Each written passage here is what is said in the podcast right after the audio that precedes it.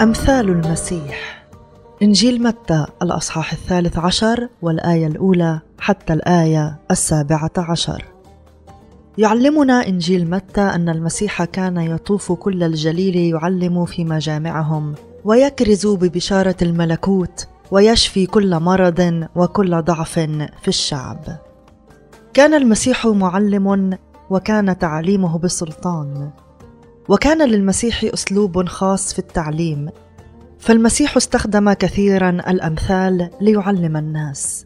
والمثل عادة يبسط الفكرة ويعطي للسامع عمقا جديدا من المعرفة، مستمدا من واقع الحياة العملية، يختلف عن النظريات العقلية، وبذلك استخدم المسيح المفاهيم البسيطة ليشرح للناس ويفهمهم عن طبيعة الله وقصده.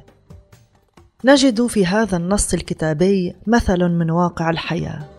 وربما كان هناك بالفعل زارع خرج ليزرع أثناء حديث المسيح للجموع لأن متى يذكر أن المسيح خرج من البيت وجلس على البحر أي بحيرة طبرية.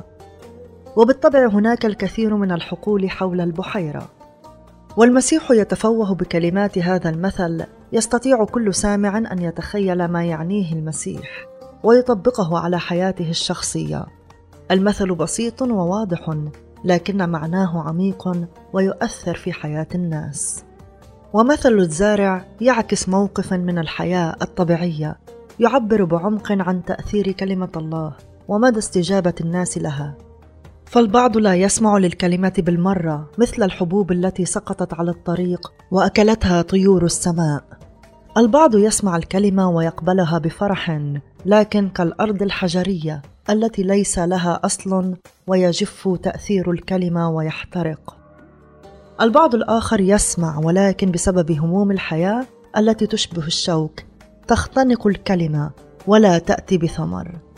والبعض يشبه الأرض الجيدة يسمع لكلمة الله ويقبلها ويعطي ثمرا متزايدا لمجد الله. تعاليم المسيح تعاليم بسيطه لكن معناها عميق. فهي تغير حياة الإنسان وتعطي لحياته هدفا ومعنى يعيش لأجله. ولو تأملنا في ردود أفعال الناس واستجابتهم لكلمة الله إلى يومنا هذا نجد أنها تشابه وصف المسيح في هذا المثل. هذه التعليم البسيطة أعلنها المسيح للبسطاء الذين يريدون أن يعرفوا قلب الله وأخفاها عن الحكماء. الذين يعتقدون أن عندهم كل الحكمة والفهم ولا يحتاج إلى التعليم. ما مدى تجاوبك مع تعاليم المسيح؟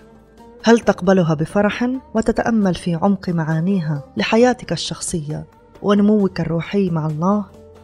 هل تداوم على دراستك لكلمة الله وتجد فيها كل الكفاية والغنى لعمق معرفة الله؟ هل معرفتك لكلمة الله تشكل أسلوب حياتك وتعاملاتك مع الآخرين؟